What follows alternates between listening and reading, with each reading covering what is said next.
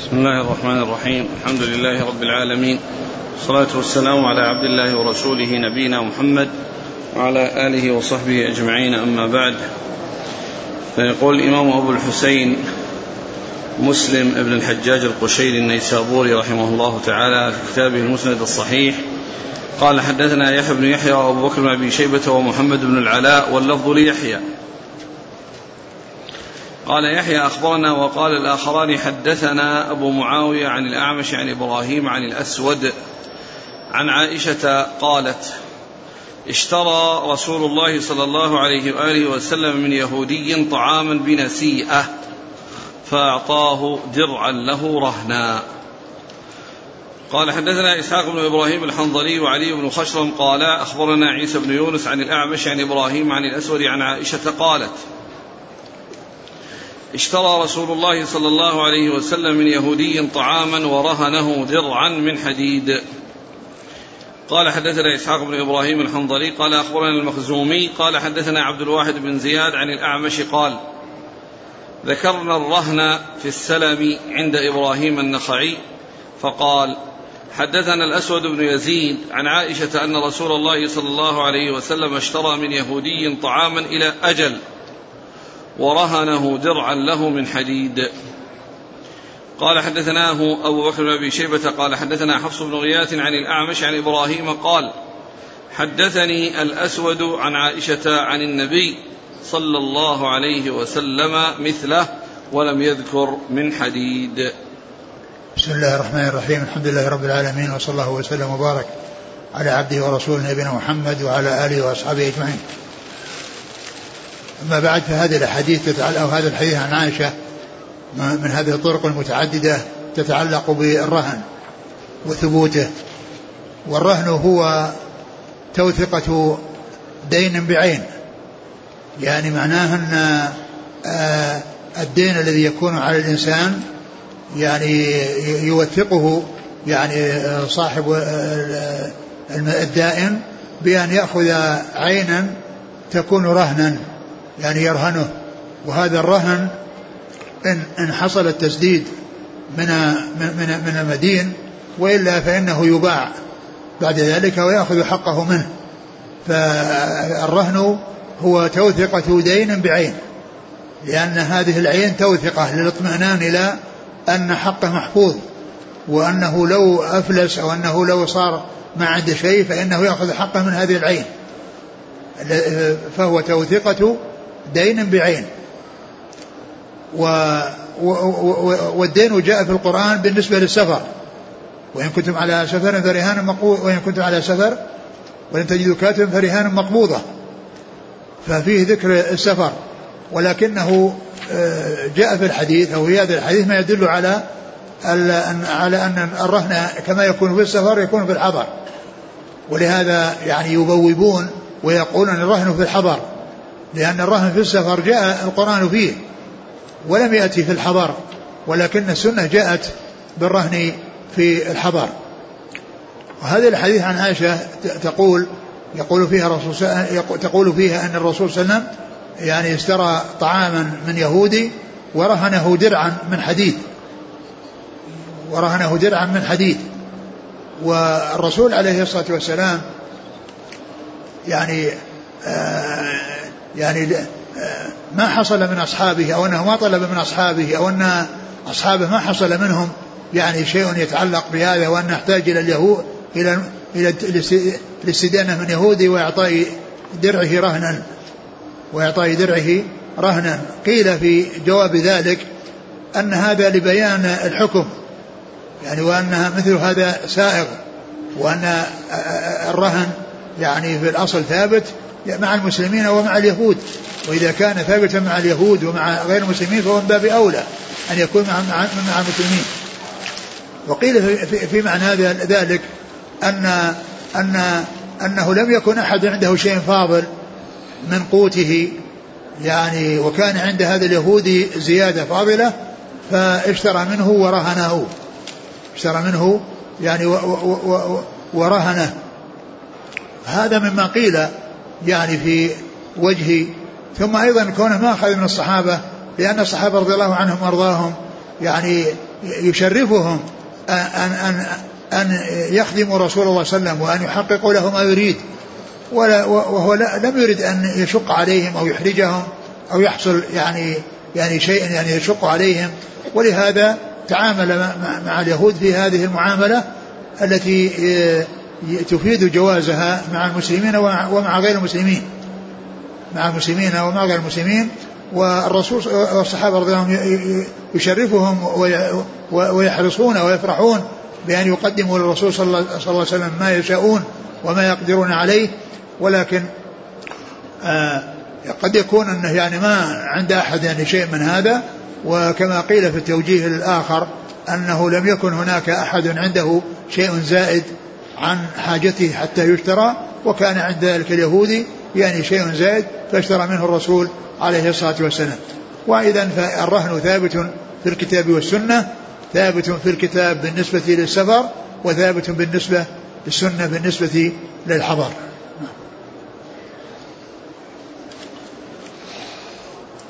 قال حدثنا يحيى بن يحيى وأبو بكر بن شيبة ومحمد بن العلاء عن أبي معاوية. محمد بن خازم الضرير الكوفي. عن الأعمش سليمان بن مهران الكاهلي الكوفي عن إبراهيم بن يزيد بن قيس النخعي عن الأسود الأسود بن يزيد النخعي. عن عائشة. نعم. قال حدثنا إسحاق بن إبراهيم الحنظلي وعلي بن خشرم عن عيسى بن يونس عن الأعمش عن إبراهيم عن الأسود عن عائشة. قال حدثنا إسحاق بن إبراهيم الحنظلي عن المخزومي. عن؟ عن المخزومي. المخزومي وهو آه، المغيرة. المغيرة بن سلمة؟ نعم. نعم المغيرة بن سلمة المخزومي عن عبد الواحد بن زياد عن الأعمش. نعم. قال حدثناه أبو بكر بن شيبة عن حفص بن غياث عن الأعمش عن إبراهيم. نعم. قال رحمه الله تعالى حدثنا يحيى بن يحيى وعمر الناقد واللفظ ليحيى. قال عمرو حدثنا وقال يحيى أخبرنا سفيان بن عيينة عن ابن أبي نجيح عن عبد الله بن كثير عن أبي المنهال عن عبد الله بن عن ابن عباس. قال قدم النبي صلى الله عليه وسلم المدينة وهم يسلفون في الثمار السنة والسنتين فقال من أسلف في تمر فليسلف في كيل معلوم ووزن معلوم إلى أجل معلوم. قال حدثنا شيبان بن فروخ قال حدثنا عبد الوارث عن ابن أبي نجيح قال حدثني عبد الله بن كثير عن أبي المنهال عن ابن عباس قال قدم رسول الله صلى الله عليه وسلم والناس يسرفون فقال لهم رسول الله صلى الله عليه وآله وسلم من أسلف فلا يسلف إلا في كيل معلوم ووزن معلوم. قال حدثنا يحيى بن يحيى وأبو بكر بن شيبة وإسماعيل بن سالم جميعا عن ابن عيينة عن ابن أبي نجيح بهذا الإسناد مثل حديث عبد الوارث ولم يذكر إلى أجل معلوم.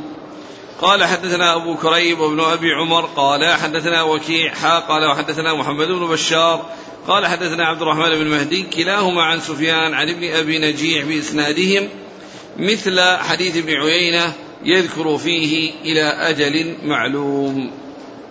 ثم ذكر هذه الأحاديث المتعلقة بالسلم والسلم هو تقديم الثمن وتأجيل المثمن يعني أن المثمن يعني يكون موصوفا في الذمة.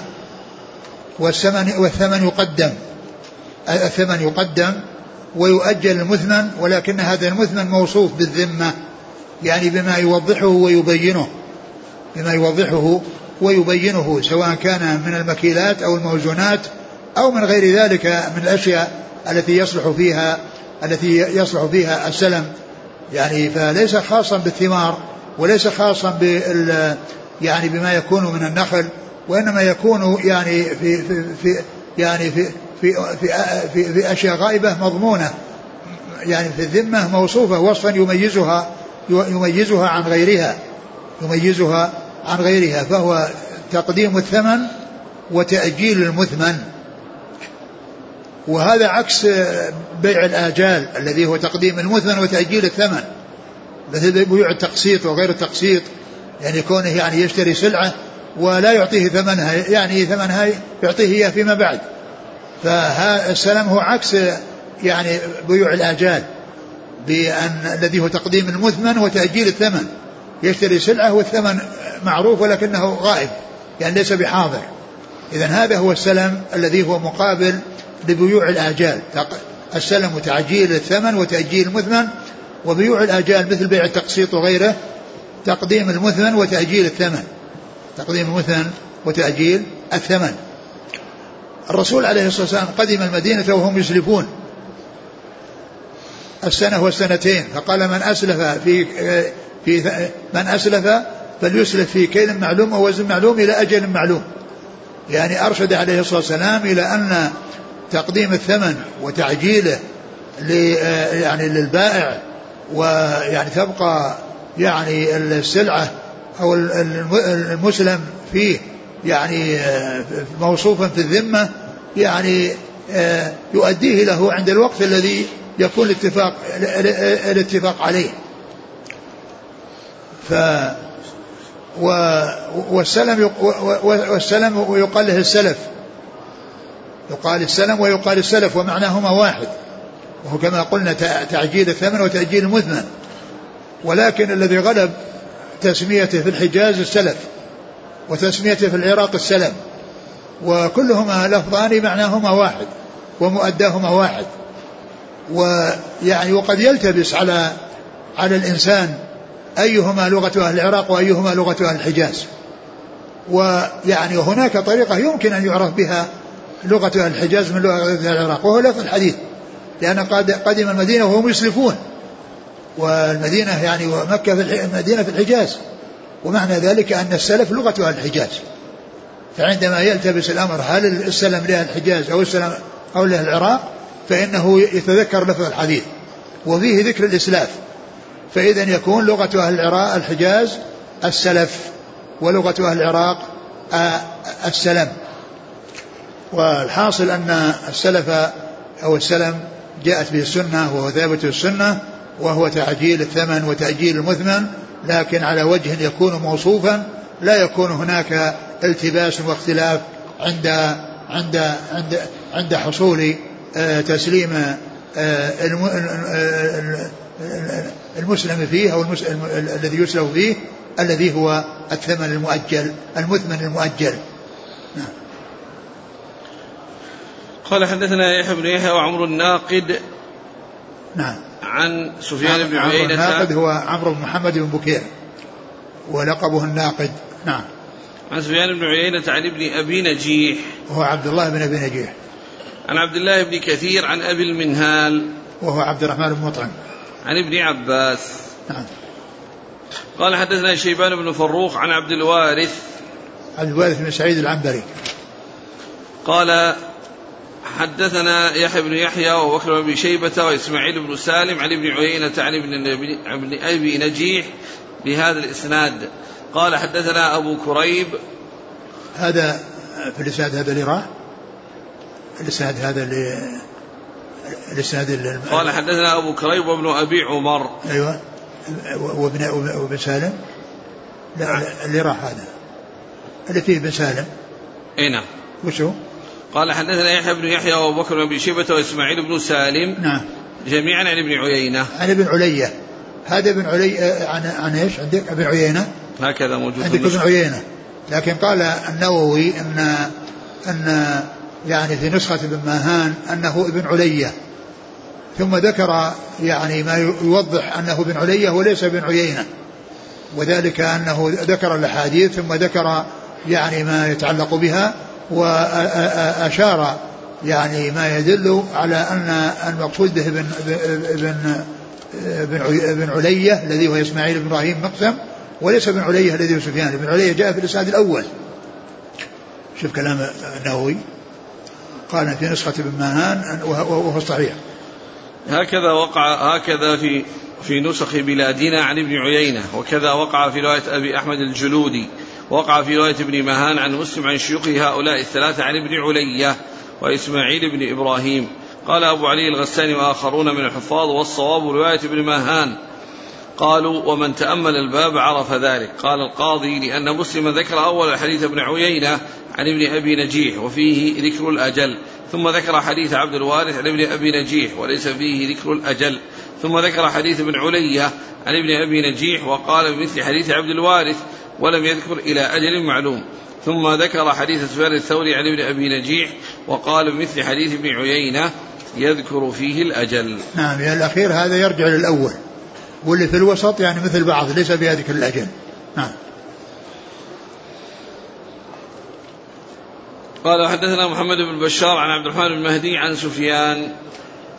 آه، هو سفيان الثوري إذا جاء عبد الرحمن المهدي أو أو وكيع أو يعني آه، أو وكيع أو يحيى بن سعيد القطان أو غيرهم الغالب أن أن أنه يكون بين المصنف وبين سفيان بن عيينة واسطتان يعني بخلاف ابن عيينة مع أن ابن عيينة متأخر الوفاة عن الثوري لأن الثوري توفي 161 وأما ابن عيينة فوق التسعين لأنه عمر وكان يعني يعني غالبا أنه يأتي بينه وبين المصنف يعني واسطة ولكن أنه يعني ابن ثوري يعني في في بعض الأحيان يأتي بواسطة ولكن الأغلب أن يكون بواسطتين.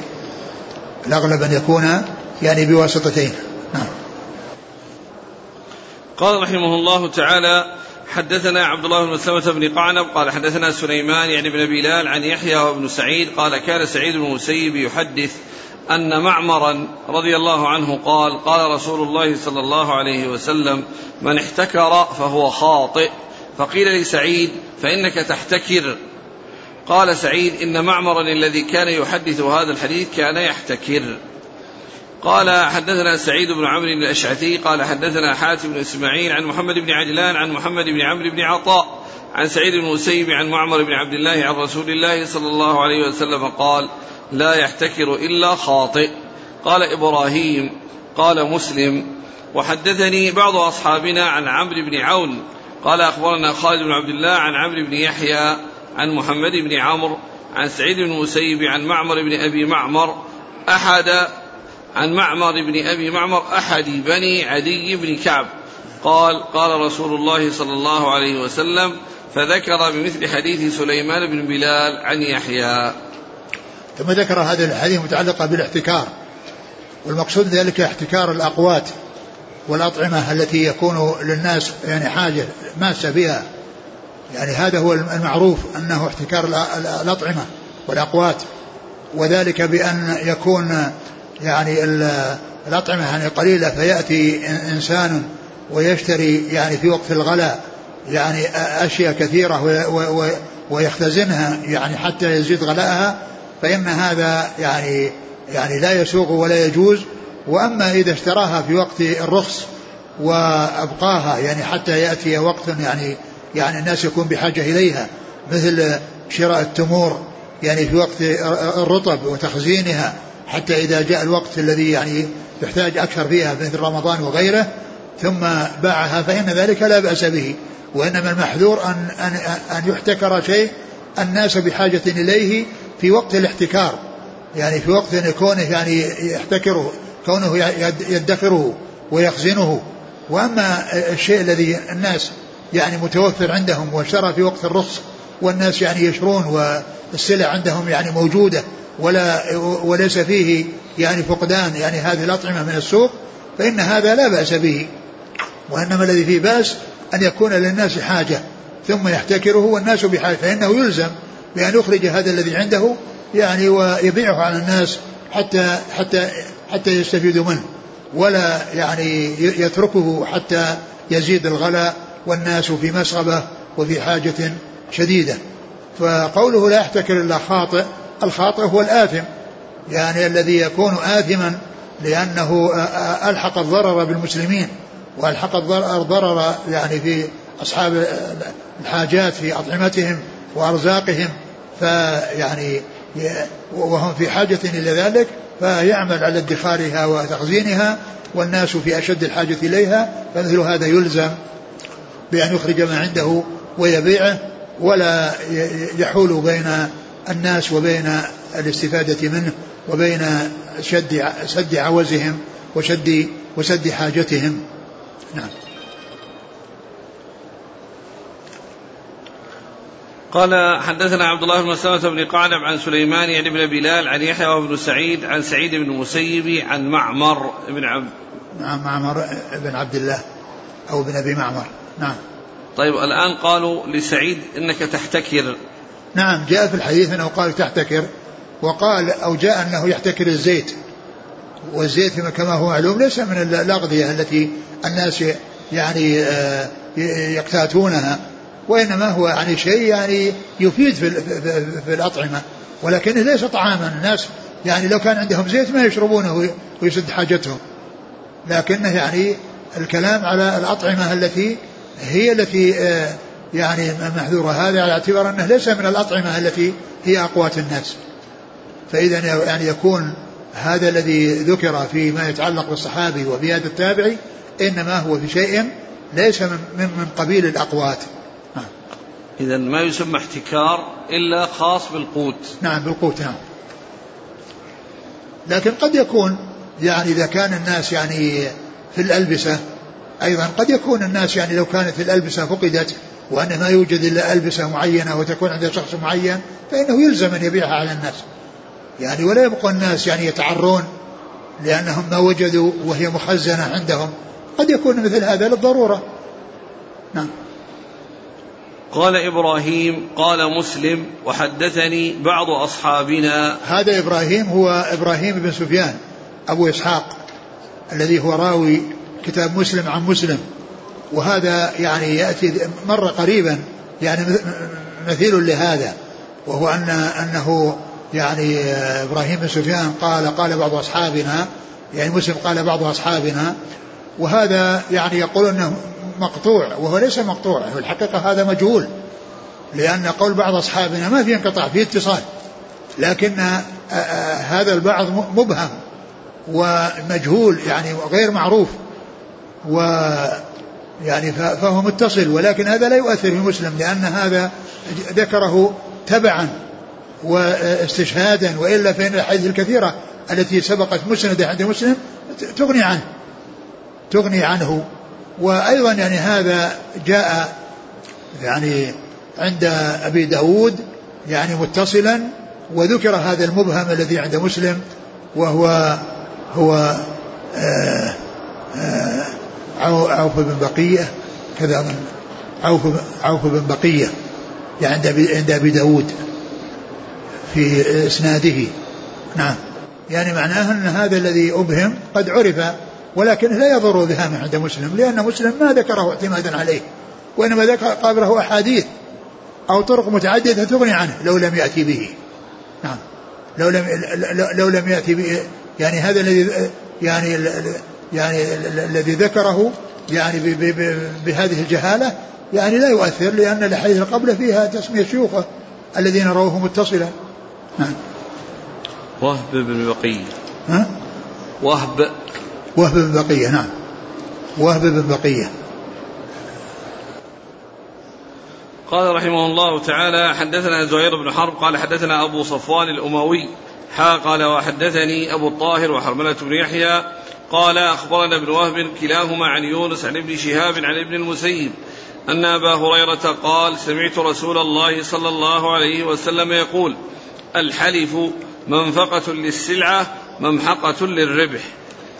قال حدثنا أبو بكر بن شيبة وأبو كريب وإسحاق بن إبراهيم واللفظ لابن أبي شيبة. قال إسحاق أخبرنا وقال الآخران حدثنا أبو أسامة عن الوليد بن كثير عن معبد بن كعب بن مالك عن أبي قتادة الأنصاري رضي الله عنه أنه سمع رسول الله صلى الله عليه وسلم يقول إياكم وكثرة الحلف إياكم وكثرة الحلف في البيع فإنه ينفق ثم يمحق.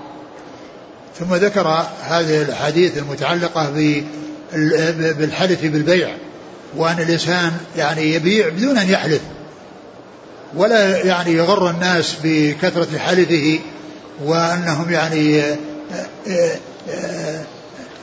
كونه يحلف يعني قد يجعل بعض الناس يغتر بكثرة الحلف ويقدم على شيء من أجل حلفه لكن الإنسان يعني يبيع ولا يحلف.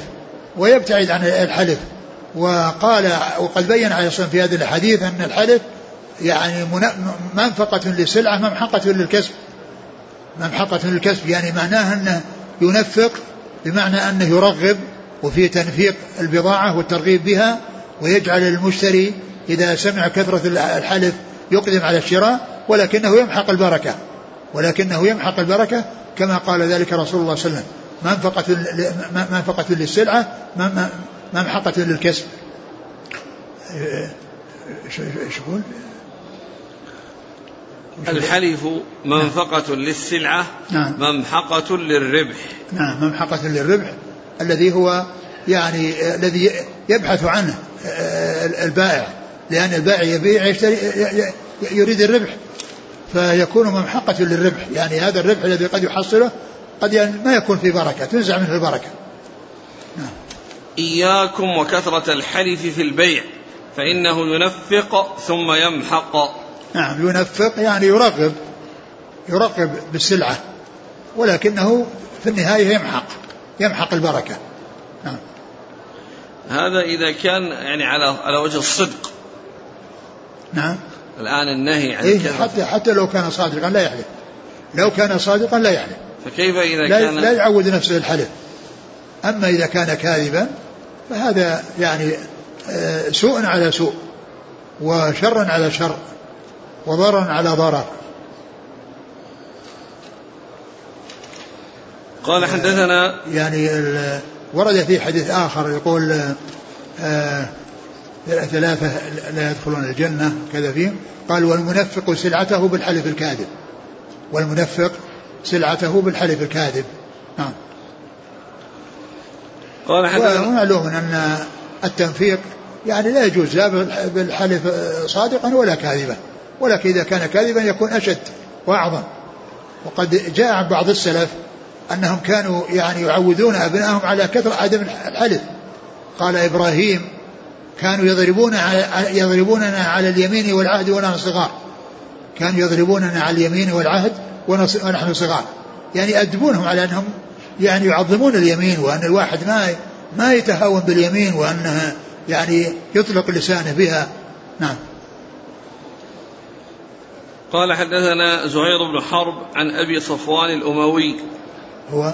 عبد الله بن سعيد بن عبد الملك. نعم. حا قال وحدثني أبو الطاهر وحرملة بن يحيى. أبو الطاهر أحمد بن عبد عمرو بن سر. و حرملة بن يحيى التجيبي. عن ابن وهب. عبد الله بن وهب. كلاهما عن يونس عن ابن شهاب. يونس بن يزيد الايلي وابن شهاب محمد بن مسلم عبد الله الزهري. قال رحمه الله تعالى حدثنا أحمد بن يونس قال حدثنا زهير قال حدثنا أبو الزبير عن جابر. حاء قال وحدثنا يحيى بن يحيى قال اخبرنا أبو خيثمة عن أبي الزبير عن جابر. قال قال رسول الله صلى الله عليه وسلم من كان له شريك في ربعة أو نخل فليس له أن يبيع حتى يؤذن شريكه فإن رضي أخذ وإن كره ترك. قال حدثنا أبو بكر بن شيبة ومحمد بن عبد الله بن نمير وإسحاق بن إبراهيم واللفظ لابن نمير قال إسحاق أخبرنا وقال الآخران حدثنا عبد الله بن إدريس قال حدثنا ابن جريج عن, عن أبي الزبير عن جابر قال قضى رسول الله صلى الله عليه وسلم بالشفعة في كل شركة لم تقسم ربعة أو حائط. لا يحل له أن يبيع حتى يؤذن شريكه فإن شاء أخذ وإن شاء ترك فإذا باع ولم يؤذنه فهو أحق به. قال وحدثني أبو الطاهر قال أخبرنا ابن وهب عن ابن جريج أن أبا الزبير أخبره أنه سمع جابر بن عبد الله يقول قال رسول الله صلى الله عليه وسلم الشفعة في كل شرك في أرض أو ربع أو حائط. لا يصلح أن يبيع حتى يعرض على شريكه فيأخذ أو يدع. فإن أبى فإن أبى فشريكه أحق به حتى يؤذنه.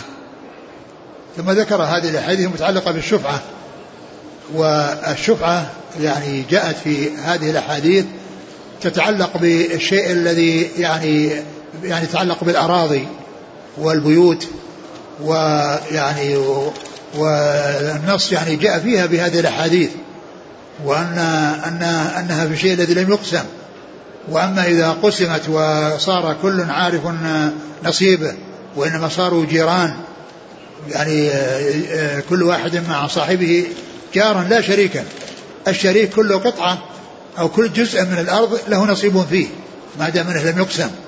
أي يعني شبر من الأرض المشتركة فلكل واحد منه نصيب لأنه مشاع وغير معروف. لكن إذا حصلت القسمة وعرف هذا نصيبه وهذا نصيبه وذكر يعني ذكرت الحدود فإن عند ذلك لا شفعة. لأن لأن هذا مستقل بماله وهو مستقل. والشفعة إنما جاءت لدفع الضرر. يعني كون إنسان عنده شريك ثم يروح يبيع على آخر فإن قد يأتي شريك جديد يعني مؤذي. فشرع أو جاءت شريعة بأن الشفعة للشريك الذي يعني هو الذي باع شريكه يعني له أن يشفع في حق شريكه الذي باعه. يشفع في حق شريكه الذي باعه. وجاءت السنة في هذه الأحاديث على أنه يؤذن شريكه يعني أنه سيبيع. أنه يؤذن شريكه بأنه سيبيع فإذا كان يريد فهو يشتري. و ويعني من العلماء من قال أنه لو آذنه ولم يعني يعني يقطع بشيء أو لم يعني يقدم فإنه إذا باع شريكه له الشفعة لأنه لو لأنه قد يغليه عليه. وقد يحد عليه بغلاء وقد يعني يطمع فيه على اعتبار أنه شريك له أنه يعني أنه أنه, أنه يأخذه بغلاء. فيعني أجاز بعض أهل العلم أنه لو قال له ولم يبدي رغبة في الشراء وبعد ذلك باع فإن له أن ينزع يعني بالشفعة. ولكن الشفعة تكون عند بلوغه أو أول ما يسمع حصول البيع فإنه يشفع. ولكن ليس هناك مهلة أو مدة يفكر بعد ما يسمع البيع هل يشتري ولا ما يشتري وإنما مباشرة بعد ما يسمع أن حصل البيع يبدي بأنه آه، شافع أو أنه غير شافع. وبعض أهل العلم يقول أن الشفعة لا تختص بالبيوت وال يعني والأراضي وإنما تكون في الأمور المشتركة الأخرى.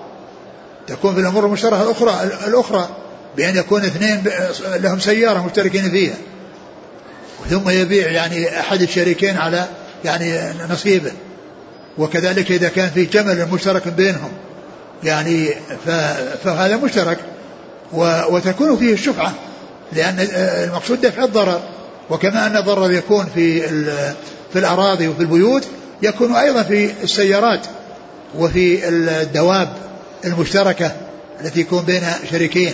وقد جاء في بعض الأحاديث ما يدل على ذلك. يعني قضى رسول بالشفعة في كل شيء. فيكون هذا الذي جاء في هذا الحديث آه، من ذكر الربع والأرض. يعني من من من من, من أفراد بعض أفراد العام بحكم العام. وأنه لا يخصص العام بل يكون هذا مندرج تحت اللفظ العام ولا يقصر عمومه عليه. بل يكون ذكر العموم وذكر بعض الأشياء التي التي تكون داخلة تحت هذا العموم.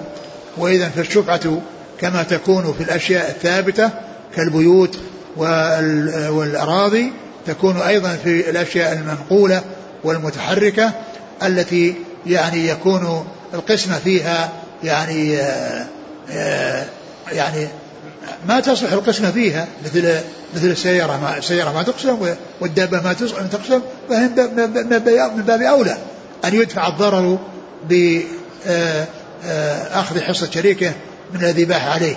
إذا باع نصف الدابة لتخصه أو نصف السيارة لتخصه فإن الشريك له أن يأخذ يعني حصة شريكه بالشفعة نعم. الحديث قال؟ ربع. من كان له شريك في ربعة أو في ربعة يعني دار. لأن الدور الرباع هي الدور. والحديث يقول تنزل في دارك بمكة؟ قال وهل تركنا عقيل من رباع هل تركنا عقيل من دور؟ فيقال يعني البيت أو الدار يقال لها ربعة. نعم. أو؟ أو نخل. أو نخل. فليس له أن يبيع حتى ش... نعم. يعني حائط يعني مزرعة. نعم. فليس له أن يبيع حتى يؤذن شريكه نعم. فإن رضي أخذ وإن كره ترك. نعم. قال الشفعة في كل شركة لم تقسم نعم. ربعة أو حائط لا يحل له أن يبيع حتى يؤذن شريكه. الحائط يعني هو معنى النخل الذي مر في الحديث السابق. نعم. لا يجوز لا له لا, لا يحل له أن يبيع حتى يؤذن شريكه فإن شاء أخذ وإن شاء ترك فإذا باع ولم يؤذنه فهو أحق به. نعم. قال قال صلى الله عليه وسلم الشفعة في كل شرك في أرض أو ربع أو حائط لا يصلح أن يبيع حتى يعرض على شريكه فيأخذ أو يدعى فإن أبى فشريكه أحق به حتى يؤذنه. إيه يعني يعني أنه ما يعني ما آذنه فإذا له الشفعة ولكن له الشفعة حتى لو لم يؤذنه. له الشفعة لو لم يؤذنه يعني لأن قد يعني يغليها عليه باعتبار أنه شريكه وأنه يطلب منه يعني شيء يعني غالي لكن يعني حتى لو لم يؤذنه أو حتى لو آذنه وتركه ولم يخبره بشيء فإنه إذا حصل به له حق الشفعة لأنها المقصود دفع الضرر عن الشريك. قال حدثنا أحمد بن يونس عن زهير. زهير هو بن معاوية وقد جاء في الإسناد الثاني أبو خيثمة وهو, وهو نفسه يعني هو ذكر في الإسناد الأول باسمه وذكر في الإسناد الثاني بكنيته. وأبو خيثمة كنية لزهير بن معاوية هو زهير بن حرب. زهير بن حرب الذي شيخ مسلم وزهير بن معاوية الذي هو شيخ شيخه. كل منهما كنية متفقان في الكنية ومتفقان في الاسم. إلا أن هذا زهير بن حرب اللي هو شيخ مسلم وزهير بن معاوية هذا شيخ شيخه. فإذا يعني الإسنادان آه، الإسنادان الأول ذكر زهير بن معاوية باسمه غير منسوب وهنا ذكر بكنيته الذي هو أبو خيثمة. آه، نعم. عن أبي الزبير. وهو محمد بن مسلم بن تدرس المكي. قال حدثنا عبد الله بن إدريس عن ابن جريج. عبد الملك بن عبد العزيز بن جريج. قال رحمه الله تعالى حدثنا يحيى بن يحيى قال قرأت على مالك عن ابن شهاب عن الأعرج عن أبي هريرة أن رسول الله صلى الله عليه وسلم قال لا يمنع أحدكم جاره أن يغرز خشبة في جداره.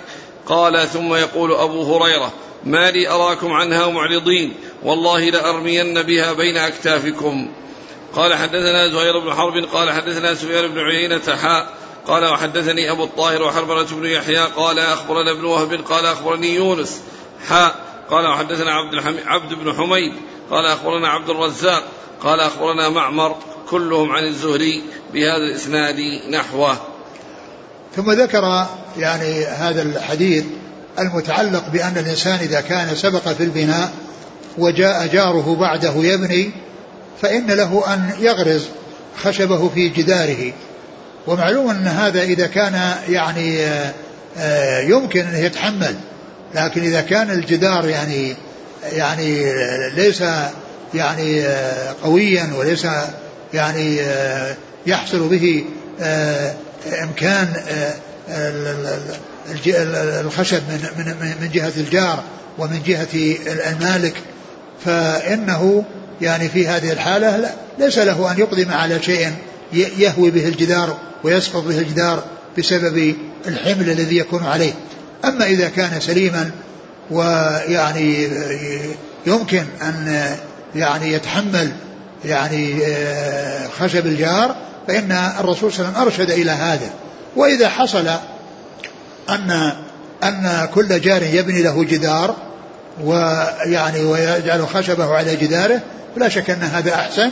ولكنه إذا وجد أو حصل أن جارا بنى قبل جاره وهذا ما يريد أن يبني جدارا فله أن يضع خشبه في جداره بشرط أن يكون ذلك الجدار يعني عنده قدرة أو عنده يعني آه، أن لا لا يعرضه للسقوط وأن يهوي ويقع بالحمل الذي يكون عليه.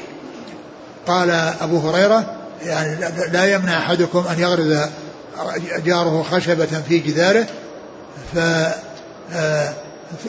وهذا الحديث يعني اختلف فيه هل هو على الندب أو على الوجوب ولكن لفظ لفظ الحديث يدل على الوجوب وكلام أبو هريرة أيضا يدل على الوجوب. ولهذا قال ما لأراكم عنها معرضين والله لأرمين بها بين أكتافكم. يعني بهذه السنة وأنه يبينها ويبلغهم إياها ويخبرهم بما آه، أمر به الرسول عليه الصلاة والسلام.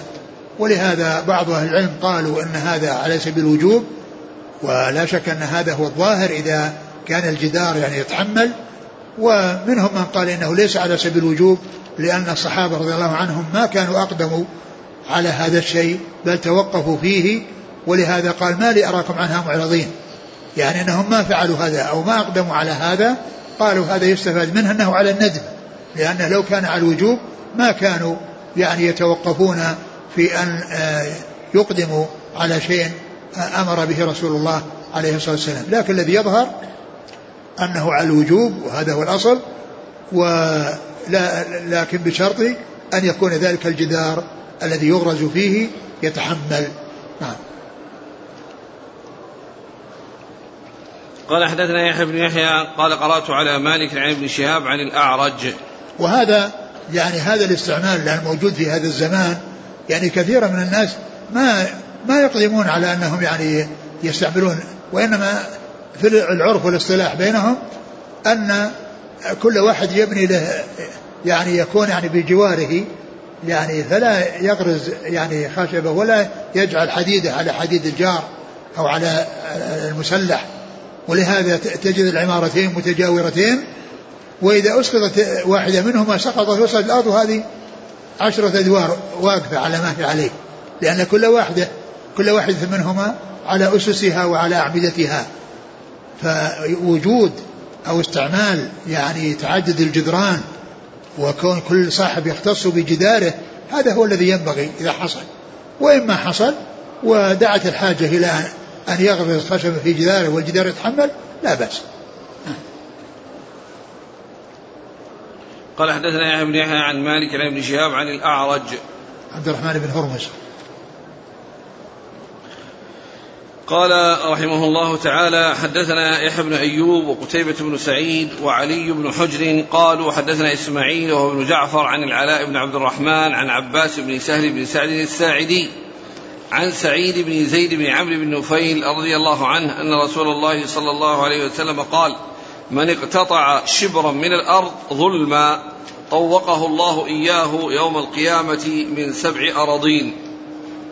نعم. قال حدثني حرملة بن يحيى قال أخبرنا عبد الله بن وهب قال حدثني عمر بن محمد أن أباه حدثه عن سعيد بن زيد بن عمرو بن نفيل ان أن أروى خاصمته في بعض داره فقال دعوها وإياها فإني سمعت رسول الله صلى الله عليه وسلم يقول من أخذ شبرا من الأرض بغير حقه طوقه في سبع أراضين يوم القيامة. اللهم إن كانت كاذبة فأعم بصرها واجعل قبرها في دارها.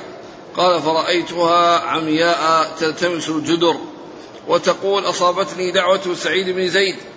فبينما هي تمشي في الدار مرت على بئر في الدار فوقعت فيها فكانت قبرها. قال حدثنا أبو الربيع العتكي قال حدثنا حماد بن زيد عن هشام بن عروة عن أبيه أن أروى بنت أويس ادعت على سعيد بن زيد رضي الله عنه أنه أخذ شيئا من أرضها فخاصمته إلى مروان بن الحكم. فقال سعيد أنا كنت آخذ من أرضها شيئا بعد الذي سمعت من رسول الله صلى الله عليه وسلم. قال وما سمعت من رسول الله صلى الله عليه وسلم؟ قال سمعت رسول الله صلى الله عليه وسلم يقول من أخذ شبرا من الأرض ظلما طوقه إلى سبع أراضين. فقال له مروان لا أسألك بينة بعد هذا. فقال اللهم إن كانت كاذبة فعم بصرها واقتلها في أرضها. قال فما ماتت حتى ذهب بصرها ثم بينا هي تمشي في أرضها إذ وقعت في حفرة فماتت. قال حدثنا أبو بكر بن شيبة قال حدثنا يحيى بن زكريا بن أبي زائدة عن هشام عن أبيه عن سعيد بن زيد. قال سمعت النبي صلى الله عليه وسلم يقول من أخذ شبرا من الأرض ظلما فإنه يطوقه يطوقه يوم القيامة من سبع أراضين. قال وحدثني زهير بن حرب. قال حدثنا جرير عن سهيل عن أبيه عن أبي هريرة قال قال رسول الله صلى الله عليه وسلم لا يأخذ أحد شبرا من الأرض بغير حقه إلا طوقه الله إلى سبع أراضين يوم القيامة. قال حدثنا أحمد بن إبراهيم الدورقي قال حدثنا عبد الصمد يعني بن عبد الوارث قال حدثنا حرب هو ابن شداد قال حدثنا يحيى وهو ابن أبي كثير عن محمد بن إبراهيم أن أبا سلمة حدثه وكان بينه وبين قومه خصومة في أرض وأنه دخل على عائشة فذكر ذلك لها فقالت يا أبا سلمة اجتنب الأرض فإن رسول الله صلى الله عليه وسلم قال من ظلم قيد شبر من الأرض طوقه من سبع أراضين.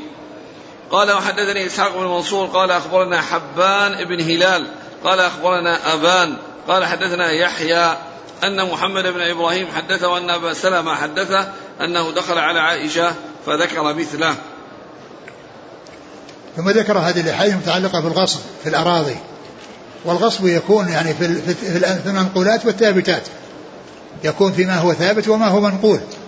وغصب المنقول أخذ الشيء من من صاحبه يعني بأن يعتدي عليه ويأخذ يعني ما بيده ويأخذ ما بيده أو ما في داره أو يعني ما يعني الأشياء المنقولة التي يملكها بأن يغصبها ويأخذها غصبا وقهرا عليه. وتكون في, الم... في الأشياء الثابتة يعني في الأرض. وذلك بأن يأخذ أرضا ليست له ولو كانت قليلة. لأن هذه الأحاديث جاءت بذكر الشبر ومعنى ذلك أنه أن أن أن الشيء القليل يعني يعني هو ظلم وغصب وعقوبته عظيمة وشديدة فكيف فكيف في فيما إذا كان كثيرا وكبيرا. فذكر الشبر للتقليل. وجاءت هذه الأحاديث عن رسول الله صلى الله عليه وسلم في أن من ظلم شبرا من الأرض طوقه من سبع أراضين. يوم القيامة. ومعنى ذلك يعني طوقه يعني يأتي يحمله يعني يحمله على على على كتفه. كما جاء في الأحاديث الأخرى لا ألفي أن أحدكم يأتي يوم القيامة وعلى رقبته بعير له رغاء. يعني معناها الشيء الذي غله أو الشيء الذي غصبه يأتي ويحمله على رقبته.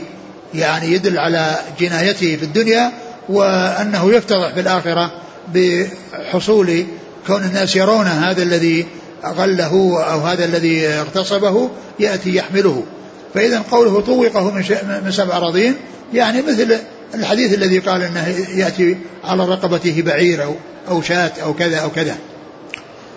قوله طوقه يعني معناه إنه يعني يجعل على كتفه هذا المقدار الذي غصبه. قال قوله إلى سبع أراضين وهذا يدل على أن الأراضين أنها متلاصقة وأنها متصل بعضها ببعض. ما في فجوة أو ما فيه آه، كل أرض مستقلة بها سكان. لا ما هناك أراضي تحت فيها سكان. وإنما هي متلاصقة. ولهذا قال طوقه. ولو كان فيها سكان كان كل واحد يطوق اللي تحته. والذي يعني اللي فوقه يعني ما له علاقة به. لكن لما قال طوقه من سبع أراضين معنى ذلك أن من ملك أرضا ملك أسفلها إلى غير نهاية إلى إلى ما لا حد له.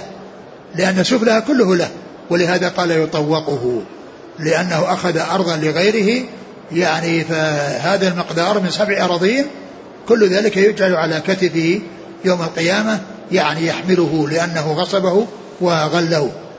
فإذا الحديث هذا يدل على أن الأراضين الله ذكر يعني جاء ذكر الأراضين وأنها سبع خلق سبع ومن الأرض مثلهن. يعني سبع سبع أراضين وجاء ذكر الأراضين في الأحاديث ومن هذا الحديث ولكن هذا الحديث يدل على أنها متلاصقة وأنها متصلة وذلك أنها لو كانت منفصلة وكل أرض لها سكان يعني يصير كل ناس كل ناس يعني يطوق اللي تحتهم إذا غصبوه. وأما هنا لما قال سبع أراضي معنى ذلك أن الأراضي متصلة وأنها متلاصقة. وذكر هذا الحديث عن سعيد بن زيد وهو أحد العشر المبشرين بالجنة رضي الله عنه سعيد بن زيد بن عمرو بن نفيل يعني وهو أحد العشر المبشرين بالجنة وكان امرأة يعني ادعت أنه أخذ شيئا من أرضها فخاصمته إلى مروان وقال أنا آخذ شيئا يعني وقد سمعت رسول بعد الذي رسول, من رسول الله صلى الله عليه وسلم قال وماذا سمعت؟ قال سمعته يقول من أخذ شبرا من الأرض طوقه من سبع أراضين يوم القيامة. فقال يعني لا أسألك بينة بعد ذلك. يعني معناه يعني معناه أنه, أنه يعني بين أنه يعني ممتثل ومبتعد عن الوقوع في الشيء الذي نهى عنه رسول الله عليه الصلاة والسلام. ثم إنه دعا على هذه المرأة التي ظلمته بأن يعمي الله بصرها وأن يجعل يعني حفرة يعني موتها قتل إيش؟ في في جعل قبرها في بيتها. نعم قال واجعل قبرها في دارها. واجعل قبرها في دارها. يعني مقصود ذلك الموت وليس المقصود إنها تقبر في في في دارها ولكن معنى ذلك إنها ماتت في دارها فصارت يعني بمثابة القبر وإلا فإنها لا تدفن ولا يكون هذا قبرها بل تخرج وتدفن مع الناس.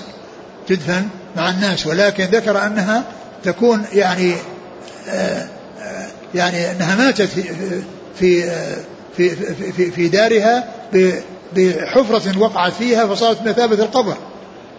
وإلا فإنها ليس المقصود أنها تكون قبرا لها وتدفن فيها وتدفن البير وتكون فيها وإنما تخرج ولكنها ماتت فيها فصارت بمثابة القبر. هذا هو معنى قوله قبرها في دارها. ولهذا في الرواية الثانية قال الرواية الأخرى قال فمرت في الدار على بئر فوقعت فيها فكانت قبرها. لا الرواية الثانية. قال فما ماتت حتى ذهب بصرها ثم بينها هي تمشي في أرضها إذ وقعت في حفرة فماتت. فماتت. يعني معنى هذا لكنها وقع ماتت في الحفرة التي وقعت فيها. وليس معنى ذلك كما في الرواية الأولى أنها تصير قبرا لها. نعم. وش فيه كلمات ولا شيء؟ قيد شبر قيد. قيد يعني مقدار. القيد معناه المقدار. قيد شبر يعني قدر شبر. وهذا يعني التنبيه بالأدنى على على ما فوقه. إذا كان هذا الشيء القليل هذه عقوبته فكيف بالكثير يعني أشد وأشد. معناه أنه يحمل حملا ثقيلا. نعم. قال حدثني حرملة بن يحيى عن عبد الله بن وهب عن عمر بن محمد عن أبيه. نعم. عمر بن محمد عن زي... آه، ابن زيد بن عبد الله بن عمر. نعم. عن سعيد بن زيد. نعم. قال حدثنا أبو بكر بن أبي شيبة عن يحيى بن زكريا بن أبي زيد عن هشام عن أبيه. هشام. أعد أعد. قال حدثنا أبو بكر بن شيبة عن يحيى بن زكريا بن أبي زائدة. عن هشام عن أبيه. هشام الدستوائي هشام بن عروة عن أبيه. هشام بن عروة؟ نعم. نعم. عن أبيه عن سعيد بن زيد. نعم. قال وحدثني زهير بن حرب عن جرير عن سهيل عن أبيه. أبو صالح ذكوان السمان قال وحدثني إسحاق بن منصور قال أخبرنا حبان بن هلال عن أبان. أبان بن يزيد العطار. عن يحيى عن محمد بن إبراهيم. نعم. يحيى بن أبي كثير. نعم. قال رحمه الله تعالى حدثني أبو كامل فضيل بن حسين الجحدري قال حدثنا عبد العزيز بن المختار قال حدثنا خالد الحذاء عن يوسف بن عبد الله عن أبيه عن أبي هريرة رضي الله عنه أن النبي صلى الله عليه وآله وسلم قال إذا اختلفتم في الطريق جعل عرضه سبع أذرع. نعم. انتهى؟ نعم. ثم ذكر هذا الحديث المتعلق بالطريق ومقدار يعني عرضه يعني بين البيوت أو في, في, في, في بين في الأراضي وأنهم يعني ينبغي أن تكون الطرق يعني واسعة يعني على حسب ما يحتاجه الناس إليه. ويعني آه قال إذا اختلفت مجالها سبعة أذرع إذا اختلفتم في الطريق جعل عرضه سبعة أذرع. نعم يعني آه، أولا يعني عند آه، الشوارع والطرقات يعني تكون على حسب حاجات الناس. وقد كان في ذلك الوقت حاجات الناس تكون يعني البعي الإبل اللي عليها أحمال. فسبعة أذرع يعني يمر الحملان يعني مع الطريق. يعني في طريق واحد إذا تلقى حملان أو بعيران عليهما حمل يعني يمشي كل واحد منهما بالسبعة يعني يحصل التمكن من ذلك. فجعل هذا المقدار على حسب حاجة الناس في ذاك الوقت. يعني إذا اختلفوا فإنهم يجعلون هذا المقدار. لكن إذا كان أرادوا أن يوسعوا الطريق فلهم أن يوسعوها وإذا جعلوا أو طريقا تخصهم وأرادوا أن يعني يجعلوا بينها يعني طريقا ضيقا يخصهم وليس محلا للعبور يعني غيرهم فإن هذا يعني يخصهم ولا يلزمون بأن يوسعوا الطرق فيما بينهم. ولكن إذا كان الطرق التي يعني يحتاج فيها إلى آه، المرور آه، الأحمال فإنها تكون يعني من الجهتين كل واحد منهما يترك يعني مقدار ما يكون من الشارع أو الطريق مقدار سبعة أذرع. يعني كان فيما مضى. وأما الآن فيرجع إلى ما يحتاج إليه من ناحية السيارات ومن ناحية مواقف السيارات التي تقف على الجوانب وما إلى ذلك. فكل شيء بحسبه وفي كل شيء يتعلق بزمانه. نعم. قال حدثنا أبو كامل فضيل بن حسين الجحدري عن عبد العزيز بن المختار عن خالد الحذاء عن يوسف بن عبد الله عن أبيه. عن يونس. يوسف نعم. بن عبد الله نعم. عن أبيه عن أبي هريرة. نعم. يوسف بن عبد الله. عبد وأبوه عبد الله بن الحارث الأنصاري نعم. عن أبي هريرة. نعم. قال رحمه الله تعالى حدثنا كتاب الفرائض. انتهى الكتاب. نعم. والله تعالى أعلم وصلى الله وسلم وبارك على عبده ورسوله نبينا محمد وعلى آله وأصحابه أجمعين. ونتوقف عن التدريس إلى يوم الأحد بحيث نعود للتدريس يوم الأحد إن شاء الله. جزاكم الله خيرا وبارك الله فيكم وألهمكم الله الصواب ووفقكم للحق. شفاكم الله وعافاكم ونفعنا الله بما سمعنا وغفر الله لنا ولكم المسلمين أجمعين آمين. يقول السائل ما الفرق بين بيع ما لا يملك وبين السلم آه، بيع ما لا يملك يعني شيئا يعني ما دخل في ملكه وأما بيع السلم فهو بيع شيء موصوف في الذمة. يعني شيء موصوف في الذمة يعني يمكنه أن يأتي به في نهاية الأجل أو نهاية الاتفاق الذي يتفقون عليه. لأن بيع الموصوف في الذمة جائز. يعني لأن السلم هو بيع شيء موصوف في الذمة. يعني آه على هيئة لا يكون فيها ال يعني ال آه يكون فيها الخصام و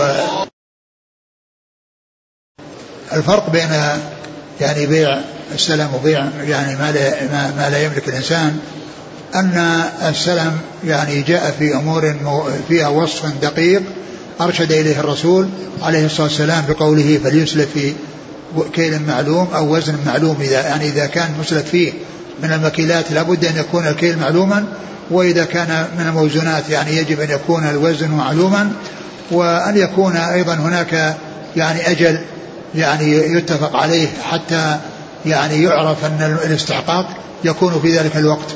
وأما بيع ما, ما لا يملك مثل يعني يعني كل إنسان يبيع ما ليس عنده بأن يعني يتفق معه على أساس أنه يعني يبيع السلعه ثم بعد ذلك يقول أنا يعني وهي ليست عندي يروح يشتريها يروح يشتريها من غيره ثم يأتي ويبيعها. فهذا يعني بيع يعني مثل بيع الحاضر. وأما ذاك بيع أجال يعني تقديم الثمن وتأجيل المثمن والمثمن معلوم وهو قادر عليه في وقته يعني عنده التمكن من الوفاء وتحقيق يعني ذلك الشيء الذي عاقد عليه بخلاف هذا فإن هذا يعني باع إنسان والسلعة ليست موجودة عنده والبيع حاضر وليس يعني مؤجلا ثم راح واشتراه وأتى به وباعه إياه وهو, وهو يعني لم يكن مالكا له. لكن عرفنا فيما مضى أنه إذا كان في مواعدة وأنه ليس فيه اتفاق على البيع يعني في البيع الذي يعني ما لا يملك أو ما ليس عنده أن أن المواعدة سائغة ولكن الذي لا يجوز هو إبرام العقد والاتفاق على شيء لا يملكه يعني وهو يعني بيع الحاضر. وأما ذاك يعني بيع الغائب. نعم. يقول هل في السلم يمكن أن يكون السداد بالطعام بالمثل؟ لا هو ال هو ال إذا كان المسلم فيه يعني نقود اللي هو الثمن يعني معنى ذلك أنه سواء طعام وغير طعام. لأن المسلم فيه لأن في الغالب أن الثمن هو الذي يقدم ويكون في الغالب أثمان. لكن إذا كان أنه يعني المسلم فيه يعني هذاك بالعراية هذا هو الذي جاء فيه أنه, أنه يؤخذ تمر يعني قديم ويعني ويكون مقابله آه، مقدار يخرص على رؤوس النخل فيما يماثله من التمر وهذا رخص فيه في العراية فقط في ما هو دون خمسة أوسق والزيادة على ذلك يعني يعني لا تجوز على خمسة أوسق. الآن مثل هذه الحالة قد لا يكون لقضية الزراعة يعني قد يكون رب البيت يحتاج إلى قمح ولأهله فيذهب إلى تاجر ويأخذ منه مثلا خمسين كيلو قمح على أن يرده له إذا تيسر. هذا قرض هذا. هذا يصير قرض وجائز يعني يقترض القمح ويقترض غيره ويرد عليه إذا تيسر أو يتفق معه على أجل حتى القرض. يمكن يكون له أجل ويمكن بدون أجل. والأولى أن يكون بغير أجل.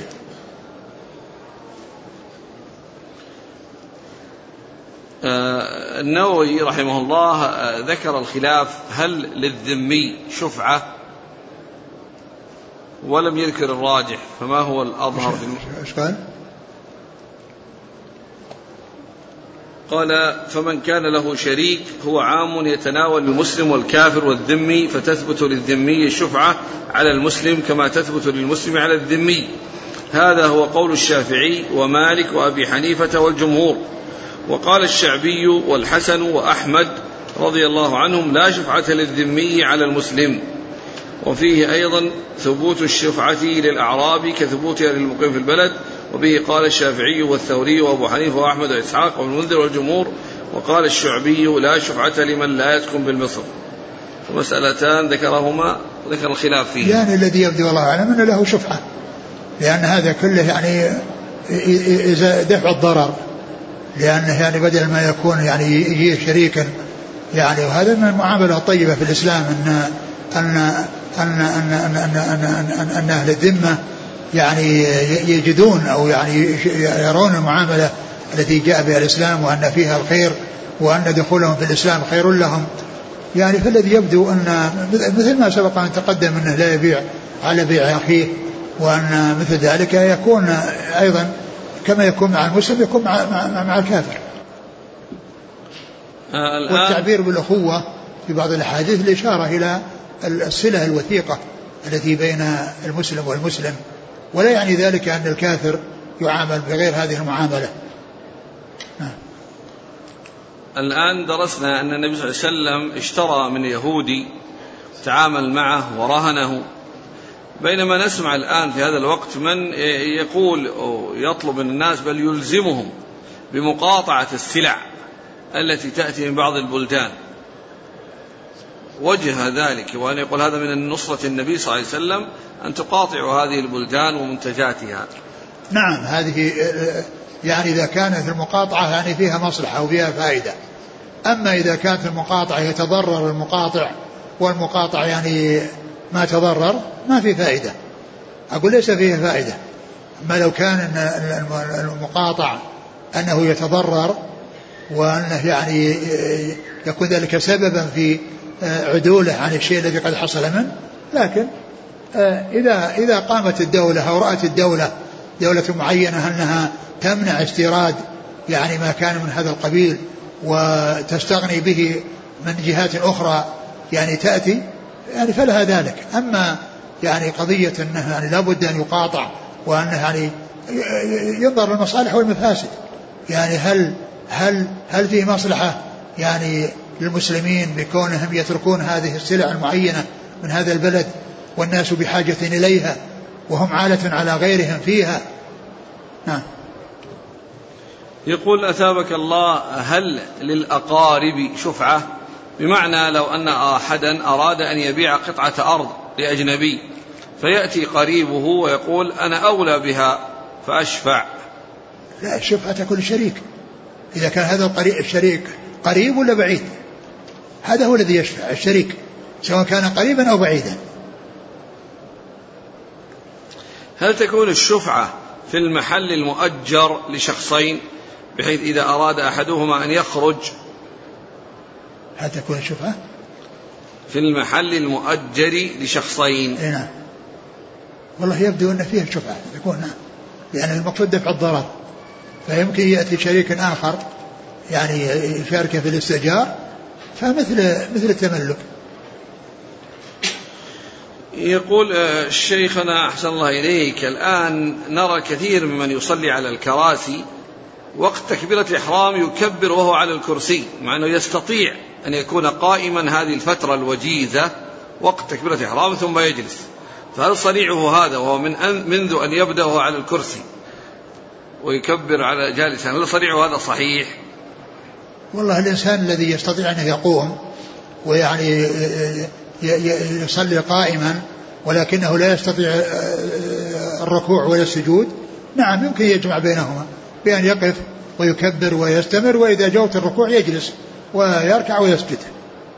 له ما يستطيع القيام بحيث يعني بحيث يسمع الفاتحة والتلاوة لكن يقوم فقط وقت تكبيرة الإحرام ويجلس. يعني هذا أولى لا شك لكن لو فعل هذا ما يقال أن عمله غير صحيح وأن صلاته غير صحيحة. بس مجرد أن يكون يقوم يجلس جزاكم الله.